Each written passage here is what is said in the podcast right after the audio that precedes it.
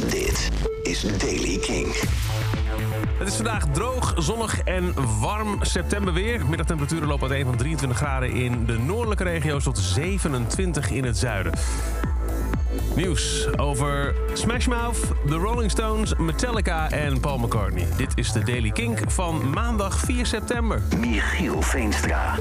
Steve Harwell, voormalig liedzanger van Smash Mouth, is in hospicezorg. Wordt thuis verzorgd door zijn verloofde. Zijn manager bevestigde het trieste nieuws en liet weten dat Steve, 56 jaar oud, niet lang meer bij ons zal zijn.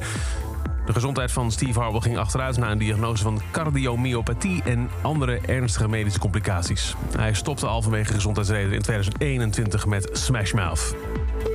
De Rolling Stones hebben een teaser gedeeld van hun nieuwe single Angry. Uh, er was uh, vorige week al veel speculatie over de aankondiging van een nieuw album... met de mogelijke naam Hackney Diamonds...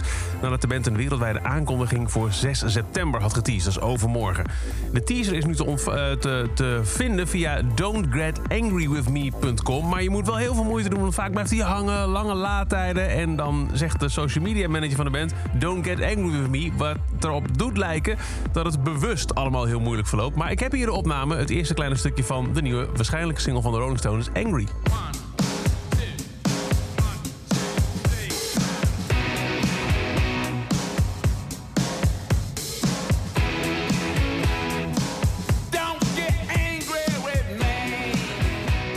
En daar heb je het even mee te doen nu.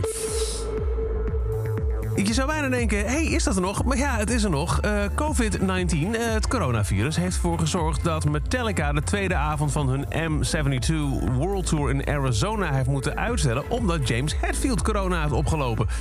Net zoals in Arizona en net zoals in Amsterdam was in Arizona ook het concept twee verschillende avonden met verschillende setlists. Bij de eerste avond merkten fans al dat James Hetfield wat lastig was zijn stem. Setlist was ook met twee nummers ingekort en nu is de tweede avond dus uitgesteld. Uiteindelijk uh, hoopt de band op 9 september die weer in te halen.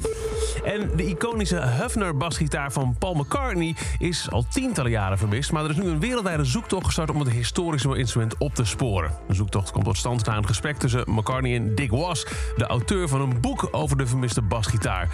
McCartney's Hufner bas wordt beschouwd als een van de belangrijkste muziekinstrumenten in de geschiedenis. Werd veel gebruikt in de vroegere opnames van de Beatles. Het verdween na het legendarische afscheidsconcert Get Back op dat dak, weet je wel, in Londen in 1969. McCartney had de bas in 1961 uh, gekocht in Duitsland voor omgerekend toen 35 euro.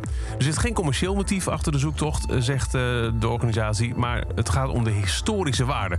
Twee journalisten assisteren Dick Was bij de zoektocht en binnen de eerste 48 uur zeggen ze al opwindende aanknopingspunten gevonden te hebben.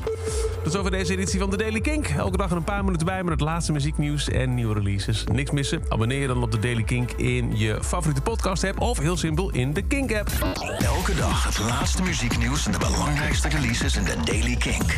Check hem op kink.nl of vraag om Daily Kink aan je smart speaker.